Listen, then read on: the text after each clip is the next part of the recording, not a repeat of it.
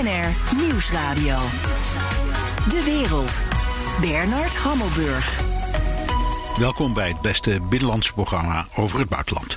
Tien jaar na de Arabische lente is de onrust in het Midden-Oosten groter dan ooit. Dat zegt oud-Syrië-gezant Koos van Dam. Ik spreek hem straks. Maar nu eerst. De vraag naar olie stond dit jaar door corona op een historisch dieptepunt. In this particular situation, I, I would worry that the changes we're, not going back to the same economy. We're going we're recovering but to a different economy. Jerome Powell, voorzitter van de Amerikaanse centrale bank, de Fed, verwacht dat de economie nooit meer hetzelfde zal zijn. Betekent dat het einde van het olietijdperk? En wat zijn daarvan de politieke gevolgen? Ik praat erover met Lucia van Geuns, energieadviseur verbonden aan het Den Haag Centrum voor Strategische Studies. Dag Lucia, welkom terug in het programma. Ja, dankjewel Bernard. De laatste keer dat we uh, over deze kwestie spraken was in april. Uh, en toen gaven de Amerikanen hun olie letterlijk weg omdat de prijs zo laag was. In Nederland, maar ook in andere landen, begint nu een nieuwe lockdown. Wat gaat er gebeuren met de olieprijs? Ja, de olieprijs is wat heen en weer gejojoed dit jaar. Erg onrustig. Nou, dat was het natuurlijk ook van, vanwege de coronacrisis. En wat die vraag naar olie eh, dramatisch is afgenomen. En dat heeft natuurlijk alles te maken met, eh, met de manier waarop we ons eh, zeg maar niet meer of minder vervoeren. De, de luchtvaartsector die duidelijk eh, um, afneemt met betrekking tot hun gebruik, thuiswerken, et cetera. Maar je ziet eigenlijk, en dat is wel interessant. Eh, Zeg, in april was de olieprijs, de Brent-olieprijs ongeveer 20 dollar. Aan het begin van dit jaar ongeveer 70 dollar. Maar het is nu wel redelijk weer zeg maar, omhoog gegaan uh, de afgelopen maanden. En eigenlijk deze maand ook. Het is nu ongeveer 51 dollar, zo rond de 51 dollar. Dus eigenlijk hoor je zowel OPEC met zijn zeg maar, compagnons zoals Rusland... maar ook andere olieproducerende landen daar op dit moment niet te veel over klagen. Nee. BP, ja, BP zegt dat een derde van de vraag naar olie blijvend zal verdwijnen. Door, door veranderingen in de economie.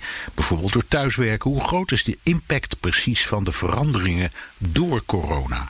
Ja. ja, daar zijn verschillende, noem het maar, prognoses voor. Het is heel moeilijk om dat goed te voorspellen. Er zal wel degelijk een verandering komen volgend jaar. Het is natuurlijk nu al vanwege het thuiswerken, eh, het minder vliegen. Ehm, kijk, de luchtvaartsector gebruikt ongeveer 7% van alle ruwe olie die wordt opgepompt.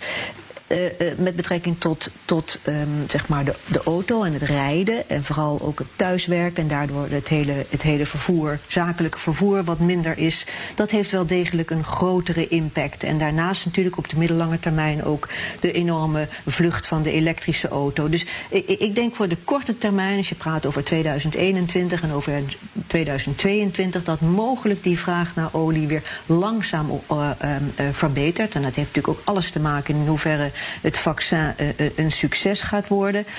Maar of dat dan weer terugkomt op het niveau van begin van dit jaar, hè, dat was ongeveer, noem het maar even grofweg, 100 miljoen vaten per dag.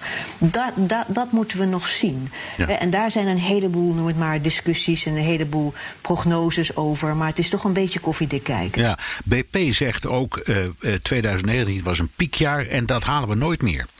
Nee, dus dat, dat, is, dat is eigenlijk deze discussie. Hè. Zitten we dan straks op een piekvraagmoment, waardoor er waarschijnlijk een, lange, een lang plateau zal zijn? Want vergeet niet, die olie zullen we nog wel nodig hebben, omdat er uh, domweg nog geen uh, grootschalige, duurzame vervanging is voor zowel uh, de transportsector, maar ook voor de petrochemische industrie. Hè, dus dat zal nog wel een lange tijd duren. Hè, maar al met al zitten we dan op een piek nu.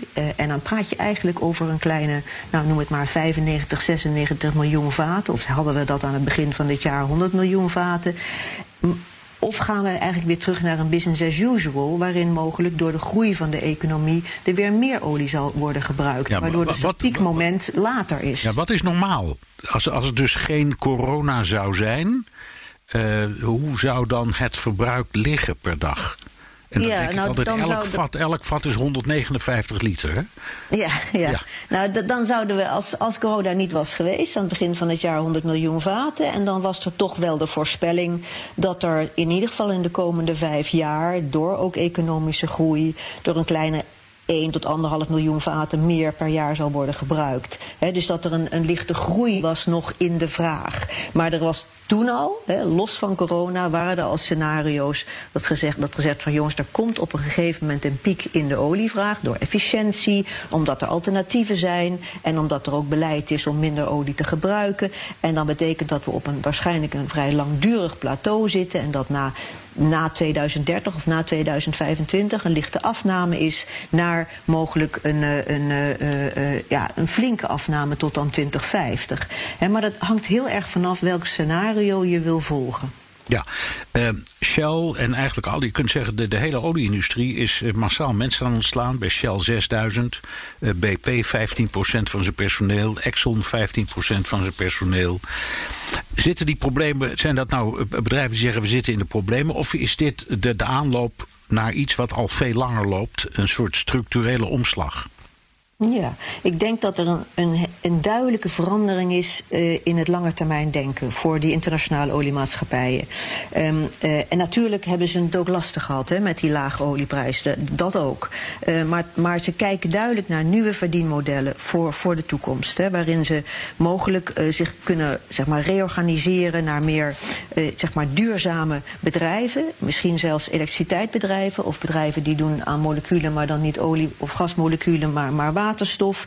En maar tegelijkertijd, en dat is, het, dat is de balans waar ze nu in hangen, willen ze dat oude verdienmodel nog niet uh, uh, zeg maar wegdoen. Want daar wordt natuurlijk wel geld, nog op dit moment geld mee verdiend, om mogelijk dat nieuwe businessmodel van kapitaal te voorzien. Ja. Um, helpt moet ik ja, zeggen, die coronacrisis nu die bedrijven om hun eigen energietransitie te versnellen? Hebben ze een soort van uh, schop voor hun achterste gekregen? Nou, ik denk dat het wel een soort wake-up call is. Hè? Dat, dat, dat, dat, dat, dat die verandering in dat langere termijn denken... dat die langere termijn helemaal niet zo ver weg ligt. Eh, en dat natuurlijk die korte termijn... dan zal het nog een beetje business as usual zijn... voor zowel internationale oliemaatschappijen... en zeker voor staatsoliebedrijven, dus voor de oliemarkt...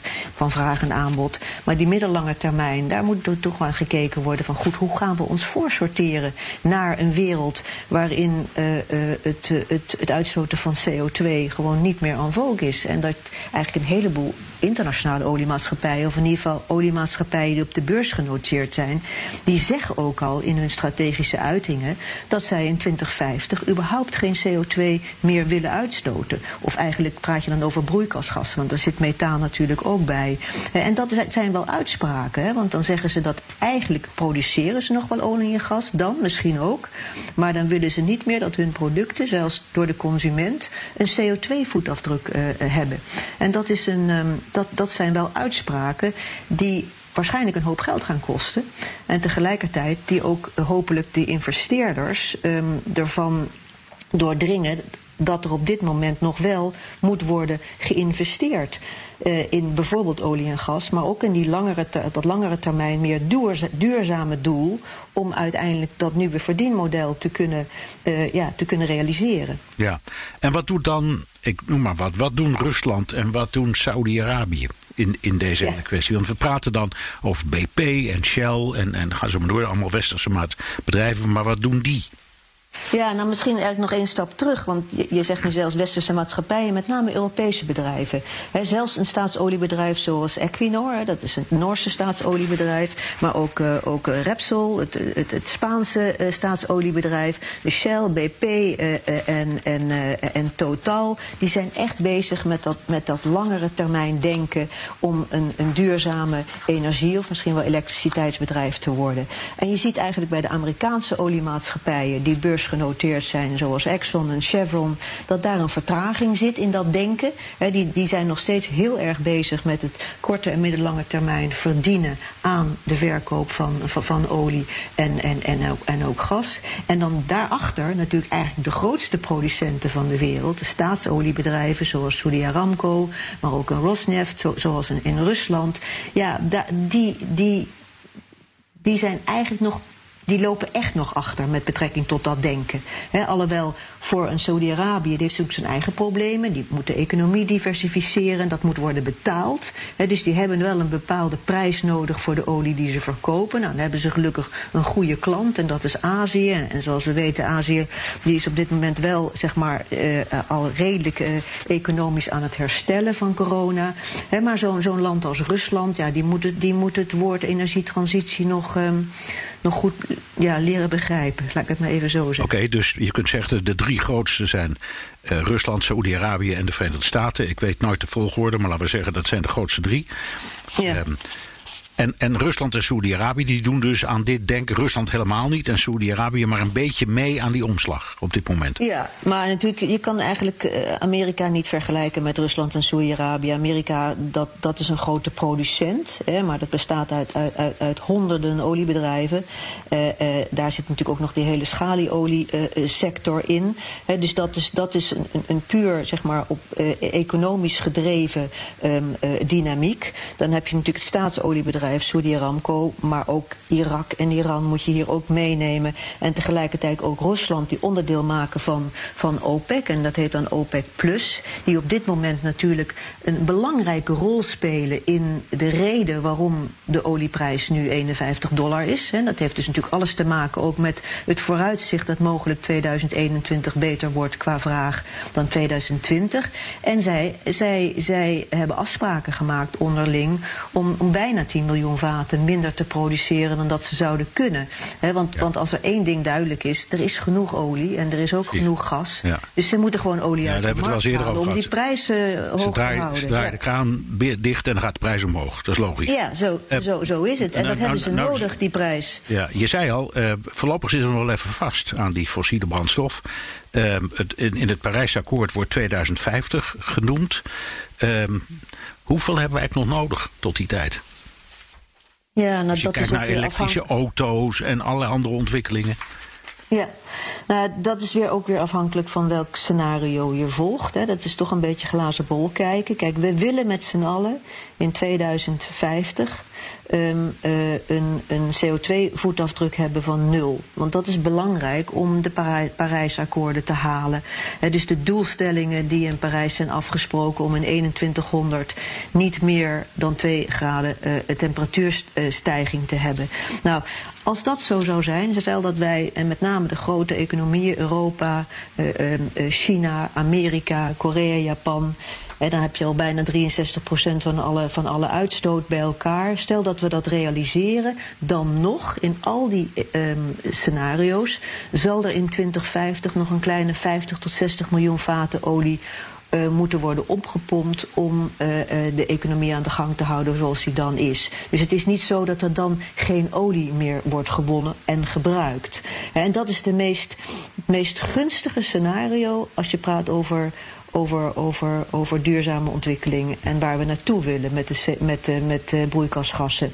Maar dat is ideaal. Dat betekent dat al het beleid wat er nu um, uh, op de rol staat. En zo, zelfs nog stringenter beleid, zoals de EU nu heeft afgekondigd. Hè, 55% minder CO2-uitstoot in 2030. Hè, dat moet dan ook echt allemaal gerealiseerd worden. En we weten alhoewel we nu in coronacrisis zitten en minder, minder energievraag is, dat als de economie weer gaat draaien, dat we eigenlijk helemaal niet op dat pad zitten. Nee. dus er moet nog wel heel veel gebeuren. Dit is BNR De Wereld. Mijn gast is Lucia van Geuns, energieadviseur verbonden aan het Den Haag Centrum voor Strategische Studies. And since my election, oil and gas production in the Permian Basin has more than doubled. But for the first time in nearly 70 years, we have become a net energy exporter. Is een stukje uit een reclamespotje van Trump voor zijn campagne. Vol trots kondigde Amerika aan dat het voor het eerst in 70 jaar een netto-olie-exporteur zou houden. Blijft dat zo? Leidt corona weer tot meer afhankelijkheid van het Midden-Oosten? Hoe zit het? Lucia, Amerika zet volledig in, of heeft enorm ingezet de afgelopen jaren op schalieolie, schaliegas. Dat is duur om te produceren. Het duurder dan uh, olie uit Saudi-Arabië. Dus de vraag is: kunnen die bedrijven dat volhouden? Ja, nou, sinds eigenlijk die negatieve olieprijs van de West Texas Intermediate in april, um, uh, zijn, is er een, letterlijk een, een, fallout gekomen van bedrijfjes die uh, failliet zijn gegaan. En met name schalieoliebedrijven in Amerika, want die leefden eigenlijk op schulden. Dus het was al een vrij, nou noem het maar, um, een niet gezonde, um, zijn, het was niet een, een, gezonde sector. En dat betekent dat een heleboel bedrijven failliet zijn gegaan, heleboel werkloosheid gekomen in, in die branche, met name in Texas, maar ook in North Dakota, eh, Pennsylvania, et cetera. Maar het betekent wel dat die industrie is opgeschoond. En dat betekent dat het nu iets gezonder is. En, en, en zij met de huidige olie, olieprijs, en dat is 48 dollar voor West Texas Intermediate, Brent 51, rond 51. Dat is voor een heleboel schalieoliebedrijven uh, wel weer een soort van um, uh, uh, iets gezondere uh, payback voor de korte termijn investeringen die, die, zij doen in die schalie. Dus het, het ademt als het ware mee met, uh, met de olieprijs. En dat ja. kunnen ze ook heel erg goed. Het is een beetje het plafond wat ze in feite zetten op de olieprijs. Ja. Als het weer onder de 40 dollar, dan hebben ze het weer moeilijk. Ja, het is een beetje casino, een oliecasino zou ik maar zeggen. Als er nou, ja, goed, um, ja. ja.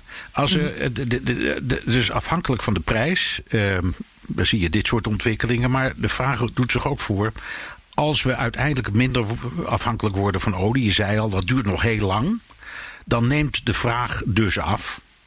En dus ook de prijs uiteindelijk. Dus je zei, ja, we hebben ook in, in de toekomst misschien nog wel 50 miljoen vaten nodig. Maar goed, ja. uh, wat gebeurt er nu met de prijs in de toekomst? Ja, en dat betekent natuurlijk ook dat op de midden- en lange termijn met name die uh, uh, olieproducenten, uh, dan praat je over staatsolieproducenten of misschien ook wel private maatschappijen, die die olie goedkoop kunnen oppompen, die zullen de, degene zijn die blijven. Blijven ook nog tot aan 2050. En dan praat je natuurlijk toch ook over staatsoliebedrijven zoals in Saudi-Arabië, maar ook misschien Irak, hè, waar de, het, het, het, het, technisch relatief makkelijk is om het op te pompen. Ja, als ik even mag onderbreken even, ja? even onderbreken. Ik meen dat je me ooit hebt uitgelegd dat dat betekent dat je bij wijze van spreken in sommige plekken in de wereld een gat in de grond hamert en dan komt de olie er zo uit. Is dat nou, wat, ja. nou ja, bij wijze van spreken. Is dat wat ja. ik me moet voorstellen bij Saudi-Arabië en Irak en dat soort landen? Ja, nu is Saudi-Arabië heeft gewoon heeft een aantal hele grote olievelden met een heleboel reserves. En nu is het zo dat dat vroeger die grote olievelden hadden een hele lage technische kosten. Nu is het wat meer, want ze moeten water injecteren om het er allemaal nog uit te krijgen. Dus uh, uh, er is wel degelijk nog exploratie aan de gang waar je probeert om relatief goedkoop olie uit de grond te halen. En, en in, in dat, dat, dat geval moet ik toch ook even noemen wat er nu gebeurt in, in, in Suriname Guyana. Want daar heb je op dit moment een heel interessant, wat ze noemen uh, petroleumbekken. die wordt aangeboord door een aantal internationale oliemaatschappijen, zoals Exxon, maar ook Total en zelfs ook Petronas van, van, van Maleisië. En daar hebben er recent heel erg veel olie gevonden. En dat is weliswaar offshore, maar dat is waarschijnlijk relatief ook nog olie die op de langere termijn interessant is en waar een soort terug, de, waar de terugverdientijd interessant is voor dat soort bedrijven. En daar praat je dus over. Je praat over wat we dan het Engels noemen low cost en high cost oil. Kijk, de low cost oil die zal uiteindelijk op de langere termijn zegevieren. En dat is inderdaad de, de makkelijk uh, produceerbare olie. Uh, en dat is maar eigenlijk in een paar gebieden. Dat is bijvoorbeeld in het Midden-Oosten, maar voor internationale oliemaatschappijen ook bijvoorbeeld in, uh, in die wateren ten noorden van Suriname en en ook in Brazilië. Ja. Het, beeld wat ik nu zie is dat we worden weer meer afhankelijk van de OPEC. Terwijl we dachten, nou misschien worden we dat veel minder. En dat vind ik wel heel mooie ironie. Misschien worden we wel afhankelijk van Suriname in de toekomst. ja, nou ja, dat zijn dan weliswaar. Ze, weliswaar ze hebben, ze hebben, een, ze hebben een paar eeuwen op dit moment gewacht. Ja, ja, dat is ook zeker zo. Ja, ja, dat is echt, dit jaar was voor hun echt een bingo-jaar in dat, in dat opzicht. Want er zijn nu vijf putten geboord. En die zijn eigenlijk allemaal uh, succesvol geweest. Uh, of vier volgens mij zijn zij er nu geboord. En zijn allemaal succesvol en die hebben ongenadig veel olie gevonden. Dat zal pas, pas over vier, vijf jaar zijn beslag krijgen in mogelijke, noem het maar even, uh, dat, dat, dat Suriname daar zelf wat geld aan gaat verdienen. Hè, en, maar dan moeten zij zich ook realiseren dat ze in een andere wereld leven. En, maar tegelijkertijd, je hebt helemaal gelijk, OPEC en OPEC-landen, en misschien OPEC plus in dit geval, dus plus uh, uh, landen als Rusland, daar, daar zullen we we als consumenten, hè, dan praat je over China, dan praat je over India, maar ook nog steeds Europa en Amerika, steeds meer afhankelijk gaan, van gaan worden, omdat daar de lage kosten zijn met betrekking tot het produceren van olie. Ja, nog even tenslotte terug naar Rusland. Je zei ja, die, die, die, die hebben het, het woord energietransitie komt in hun vocabulaire nog helemaal niet voor. Um, maar ook daar zeggen ze het piekmoment van de olievraag is al geweest. Uh, de, de, in, in, in Moskou is de schatkist enorm afhankelijk van uh, fossiele brandstof. Hoe lang kan uh, Rusland op deze manier doorgaan? Nou, ik denk nog een hele tijd. Maar ze, zij bevinden zich wel, naar, naar onze mening, toch in een, op een soort van doodlopende weg. He, zij, zij, voor, hun is, is, voor hun economie is de inkomsten uit olie en gas ongenadig belangrijk. He, 50 tot 60 procent van hun staatsinkomsten komt daar vandaan. En dan heb ik het nog niet eens over kolen en, en, en, en andere zaken. Maar desalniettemin, zij zetten daar ook nog groot op in. Ze hebben de afgelopen vijf, zes jaar uh, veel geïnvesteerd in olie en gas. En zij zien ook dat er nog steeds, uh, een, dat er nog steeds een grote afzetmarkt is. In ieder geval geval voor de korte en middellange termijn. Die hele lange termijn, die hebben ze nog niet helemaal in het vizier. Nee. Um, en uh, ik en daar kijken ze, dan, kijken ze, dan kijken ze, voor zover we kunnen, op de kaart kunnen kijken, nog meer naar Azië dan naar ons, hè, uiteindelijk. Ja, nou, wij zijn ook heel belangrijk, ook voor olie. Ik denk maar aan Rotterdam. En we zijn natuurlijk heel erg belangrijk ook qua gas. En vergeet niet, die infrastructuur die ligt er nog. Naar Azië moet het nog voor een heel groot deel worden gebouwd. En dat, dus wat dat betreft, Europa is wel belangrijk als afzetmarkt. Ze zien dat die afzetmarkt ook door beleid weg van olie en gas uh, moeilijker zal worden. Maar daar, zijn, daar gaan nog wel een aantal decades overheen. En dat zien ze. En tegelijkertijd weten ze ook dat er andere afzetmarkten komen. En dat ze mogelijk daar hun producten zouden kunnen afleveren. Maar dat vraagt ook weer investeringen. Heel kort, tenslotte, we hebben het steeds maar over lange termijn en terecht, want dit zijn natuurlijk enorme projecten, al is het alleen al in de ontwikkelingssfeer. Denk aan zo'n voorbeeld als Suriname. Maar nou de allerkortste termijn. We krijgen nu een, een, een vaccin. Dus met een beetje geluk zijn we ergens in de loop van het volgend jaar, midden in het volgend jaar, op weg naar herstel. In hoeverre trekt de economie en daarmee de prijs van de olie weer aan? Ja, ik denk dat de economie zeker aantrekt. Maar dan praat je echt wel over 2022, als je, om dat echt goed te zien. En je ziet nu die olieprijs van 51 dollar, vind ik persoonlijk best hoog. Omdat die uh, omdat er nog heel veel reservecapaciteit in het systeem zit. In andere woorden, er zit nog heel veel in, uh, in, in opslag, et cetera, et cetera. En dat is nog niet weg. Nee. Dus er zit, al met al, er is heel veel hoop. Er zit nog een hoop in de pijplijn, als ik het zo mag Ja, dus ja. ik denk die 50 tot nou misschien wel 60 dollar, of noem het maar even 45 tot 55 dollar, is een olieprijs die we nog echt de komende tijd zullen blijven zien. Zoveel hoger niet, tenzij er echt geopolitieke problemen ontstaan, bijvoorbeeld door calamiteiten in het Midden-Oosten. Maar dat kan je niet moeilijk voorspellen. Nee. Dank, Lucia van Geuns, energieadviseur verbonden aan het Den Haag Centrum voor Strategische Studies. BNR Nieuwsradio. De wereld. Bernard Hammelburg. Precies tien jaar na de Arabische lente zijn de leuzen over een hoop veranderingen vervlogen. The people's protests are in no way cooling down, even as the politicians agreed on plans for a coalition government including the opposition. No, they have tasted success for the first time in decades. They've pushed a president out and they're not stopping there. Dat was een verslag uit Tunesië tien jaar geleden. Wat begon als een moment van optimisme over de toekomst is uitgemond in tien jaar oorlog en bloedvergieten. Ik praat erover met Koos van Dam, oud-ambassadeur en Syrië-gezant... en schrijver van het nieuwe boek Granaten en Minaretten... een diplomaat op zoek naar vrede in de Arabische en Islamitische wereld. Het is tien jaar sinds die Arabische lente in Tunesië begon. Allereerst dit. In uw boek schrijft u dat u vanaf het begin al tegen die term was. Waarom? Ja, de mensen waren in het Westen veel te optimistisch, eigenlijk naïef. Ze dachten dat er al heel gauw democratieën zouden gaan staan, ontstaan in het Midden-Oosten. Maar wat realistischer was om te verwachten waren bloedbaden en enorme politieke ontwrichting. En die uh, opstandeling die voelden, zich gesteund door de meeste westerse regeringen, die dat dus maar hoopten dat het zou gaan gebeuren. Maar het meeste bleek morele steun. En voor zover was van militaire steun uiteindelijk, eh, heeft dat uiteindelijk geleid tot nog meer bloedvergieten en een verlenging van de oorlog en een groot aantal slachtoffers en vluchtelingen. Ja. Um, als ik het me goed herinner, we hebben er destijds ook over gesproken, meneer Van Dam. Wat er speelde was een onevenredig hoog aantal jonge mensen en enorme werkloosheid. Was dat nou waar het in die protesten om ging? Of ging het veel meer om politieke kwesties en de regimes? Nou, het ging eigenlijk om een, combinatie, om een combinatie van een heleboel factoren. Natuurlijk ook die werkeloosheid, uitzichtsloosheid op banen, dictatuur, droogte, waardoor bijvoorbeeld uh, oogsten mislukte en mensen naar de steden uh, uh, migreerden. Maar de, de, slogans gingen eigenlijk vooral om begrippen als vrijheid en waardigheid. En door de morele steun vanuit het Westen kregen die revoluties meer dynamiek en hoop dan anders het geval was. Ja. Nou, het roept meteen een vraag op, meneer Van Dam. Ehm, zeker aan een diplomaat met zoveel uh, vlieguren in die wereld. Hadden we moeten zwijgen dan? Toen we dat allemaal voor onze ogen zaten gaan gebeuren. Kun je zwijgen als in dergelijke landen mensen massaal roepen om steun, vrijheid uh, enzovoort? Nee, je kunt niet zwijgen. Ik denk ook dat het goed was om dus een, zekere morele steun te geven. Maar zodra het ging om wapensteun, toen werd het dus enorm verslechterd.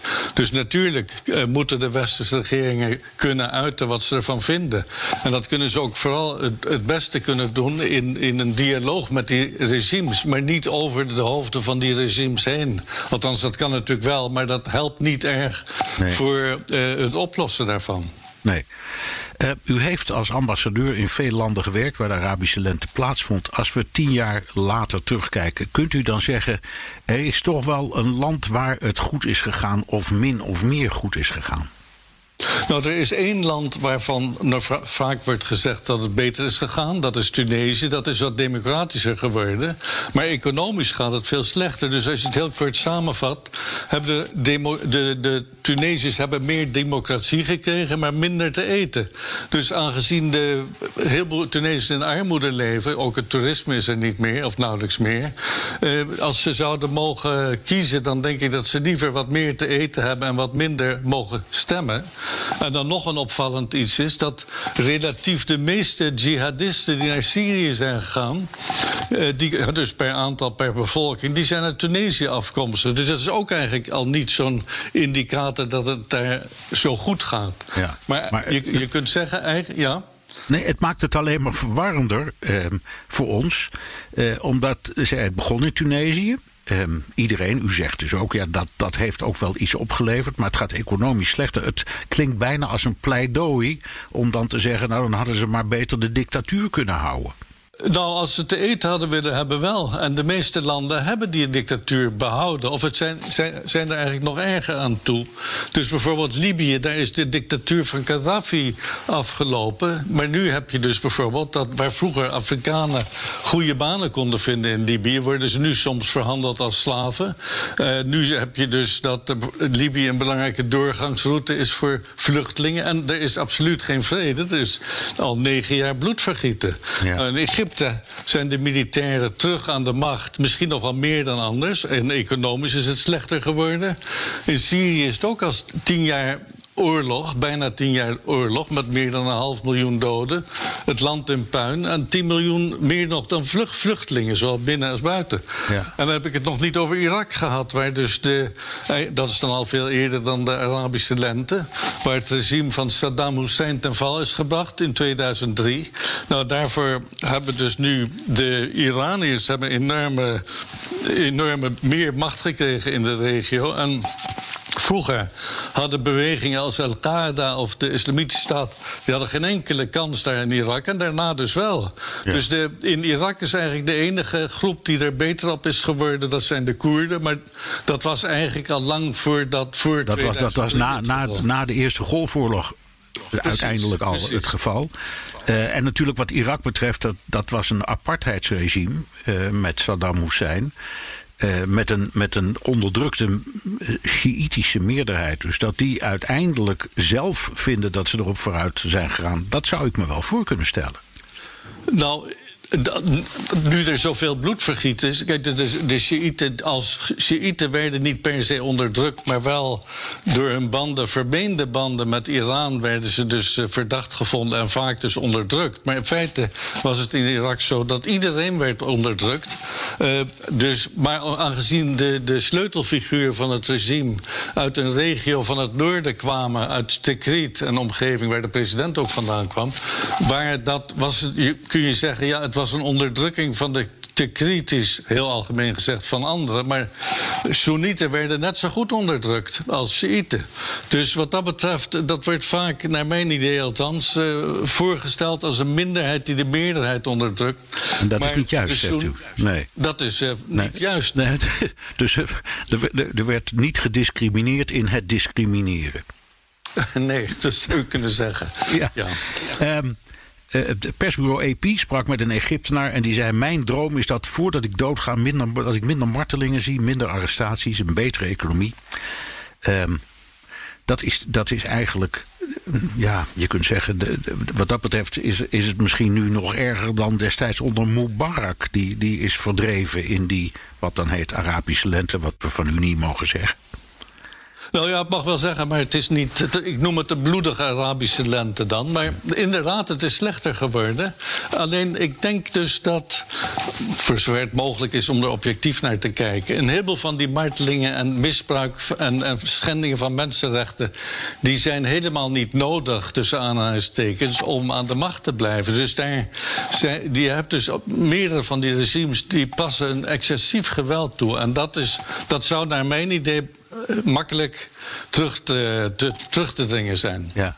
Uh, we hebben heel veel gesproken over Syrië met u in de loop van de jaren. Dat is ook logisch, want u was speciaal gezant voor Syrië. Maar u hebt er ook wetenschappelijke boeken over geschreven. die toch zo standaardwerken zijn geworden in de wereld. Als we nou naar Syrië kijken, waar iets eh, vergelijkbaars gebeurde. Daar waren, waren demonstraties om meer vrijheid en meer werk. En diezelfde dingen is Saoedi-Arabië daar handig in gesprongen als, um, ja, als Soenitisch bolwerk dat een, een, ik zal maar zeggen, een appeltje te schillen had met de, de Shiïtische Assad? Ja, nou eigenlijk is dat niet helemaal een goede uh, zeg maar beschrijving naar mijn idee.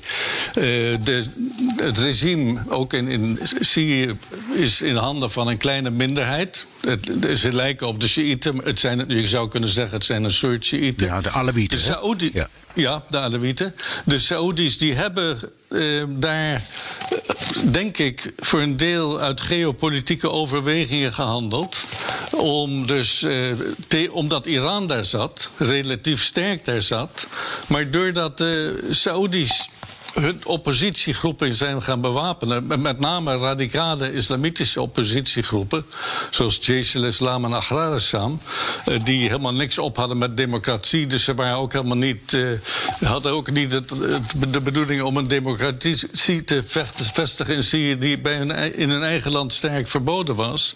Maar door hun massale wapenleveranties zijn eigenlijk de landen die al Syrië steunden. Iran en, en uh, Rusland.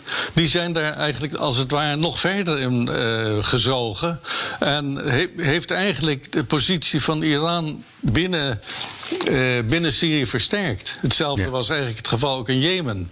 Ja, kun je, kun je zeggen dat er uh, na de Arabische lente of na die periode een nog verdere splitsing is ontstaan. En dat je ziet dat je een soort van geallieerden krijgt aan de ene kant met de golfstaten en een paar Noord-Afrikaanse staten en Afrikaanse landen, Israël, de Verenigde Staten, allemaal in één clubje tegen de as. Naties, de asmogendheden, uh, Iran, Irak en Syrië. Ik denk dat het dus de de, die allianties die zijn zeg maar het aspect van de rivaliteit golfstaten-Iran, dat is er doorheen gaan spelen. Maar de, de Noord-Afrikaanse landen die spelen daar eigenlijk geen rol in. Maar wel natuurlijk Saudi-Arabië, Qatar, de Verenigde Arabische Emiraten.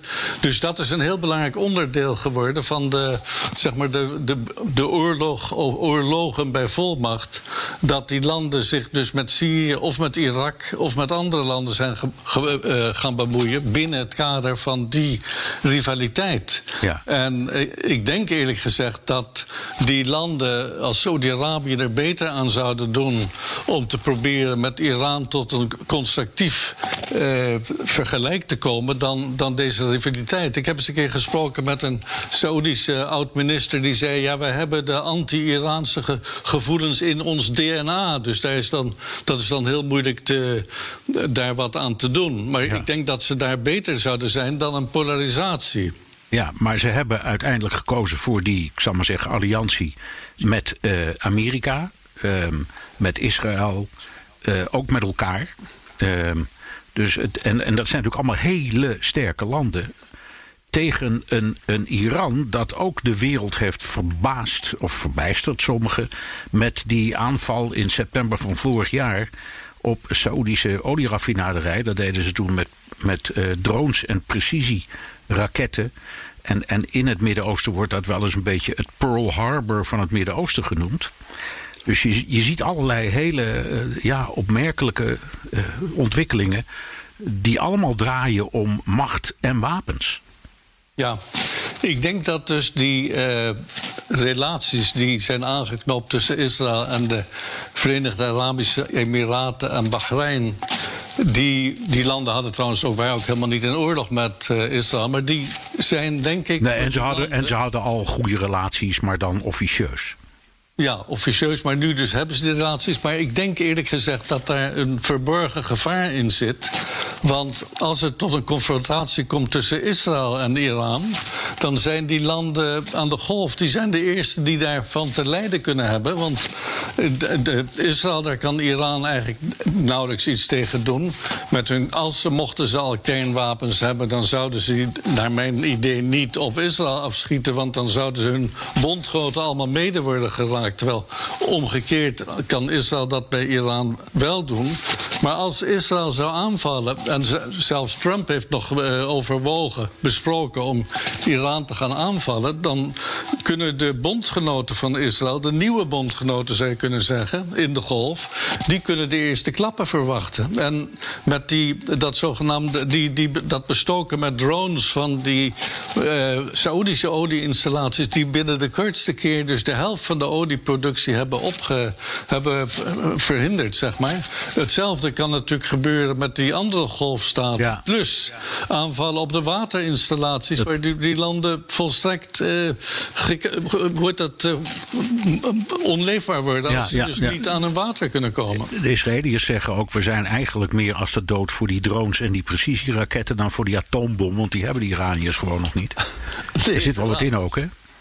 Ja, daar zit in. En nog een ander punt misschien. Dat is dus die, die nieuwe relaties. Marokko en uh, Soudaan, die hebben dan nu ook die relaties. Maar nou, die hebben daar eigenlijk helemaal niet met die confrontatie. Die zijn als het ware afgekocht.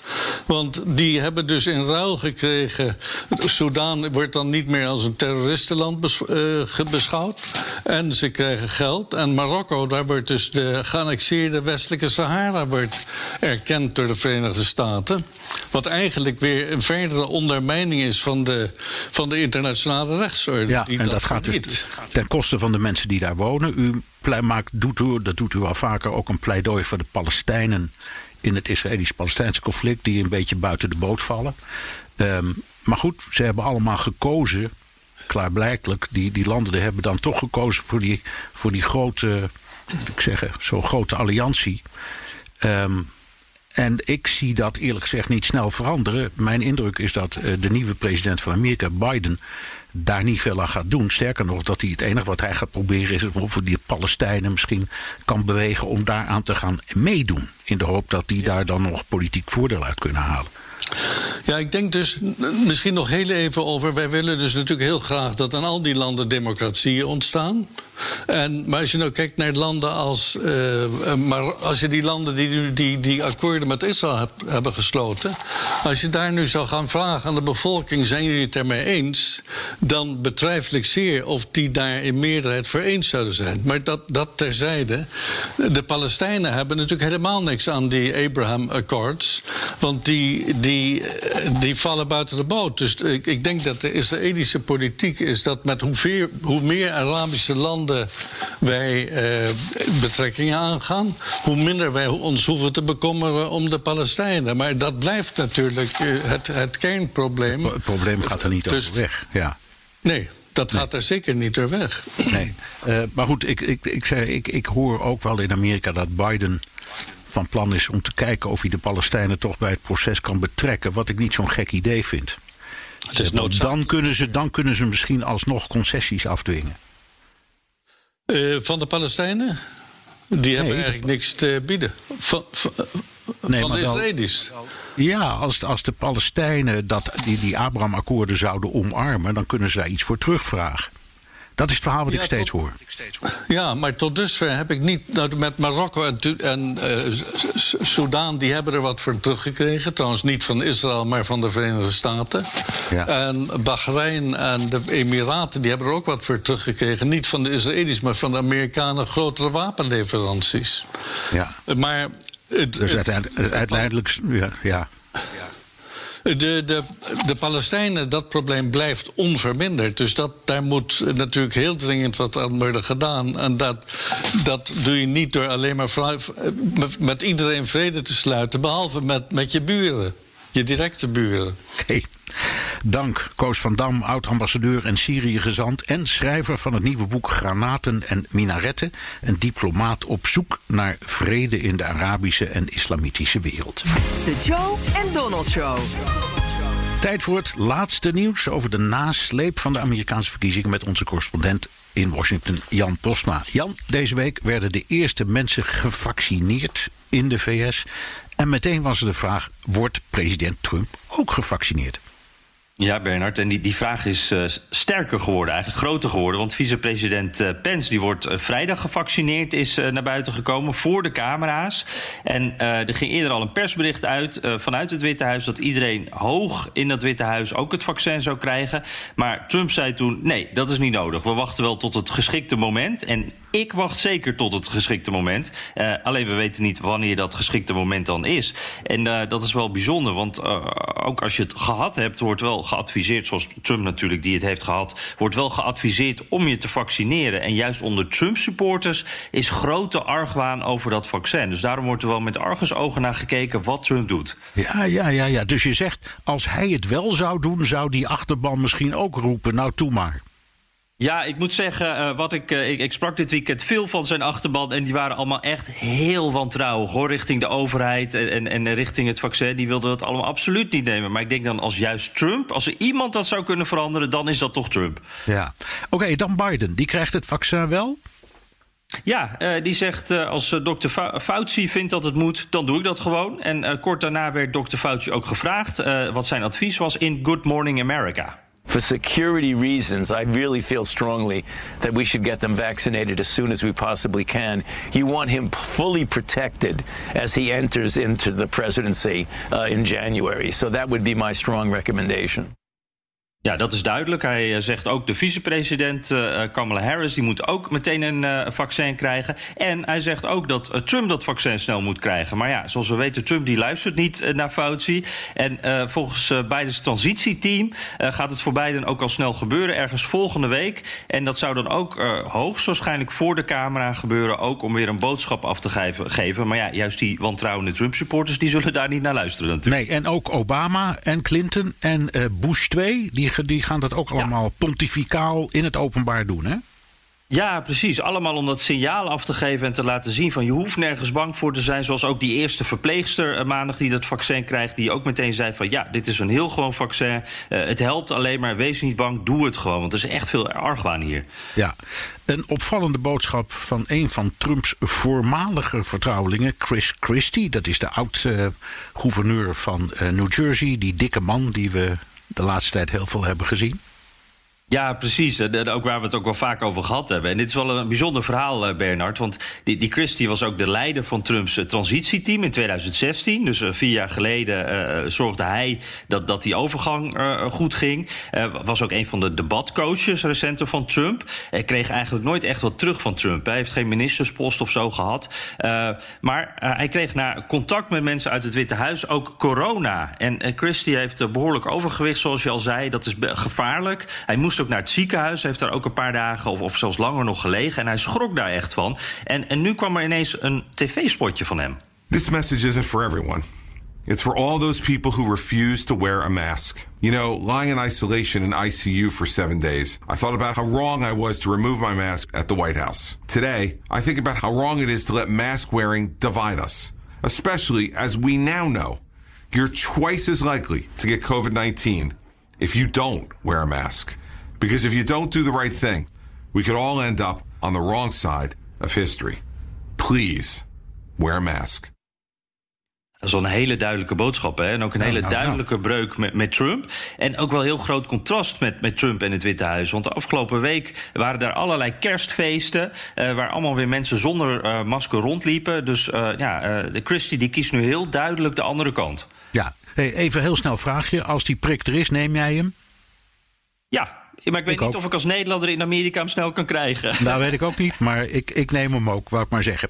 Oké, ja. Hey, nog even een, een geweldige roddel die gaat. Uh, Trump die moet natuurlijk, die wil terug naar, uh, naar als zal die willen, naar uh, Florida, naar Mar-a-Lago in ja. Palm Beach, waar hij woont. Maar dan mag hij niet van de buren.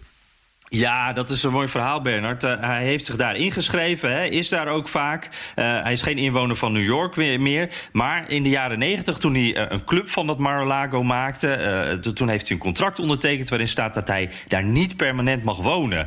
En dat is natuurlijk juist wel wat hij van plan was na het Witte Huis. Hij heeft een gemeente... Het is een vakantieregeling, een vakantiehuisjesverbod. Ja, ja. precies. ja. En de president die hoeft zich niet aan die regel te houden. Maar straks is is hij geen president meer. En dan zeggen de buren en de gemeenteraad... Uh, dan willen we jou hier ook niet meer. Want regels zijn regels. Dus dat wordt nog een heel gedoe voor Trump. Ja, wordt hij dakloos? er zijn, nou, er zijn mooi, het is een lekker klimaat. Er zijn mooie bruggen waar je onder kunt zitten daar.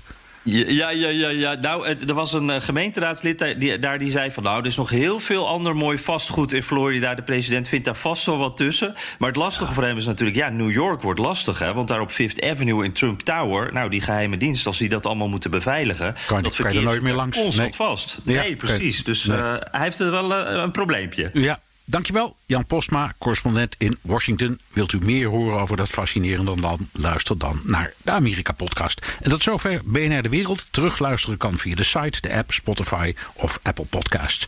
Reageren kan via een mailtje naar dewereld.bnr.nl. Tot volgende week.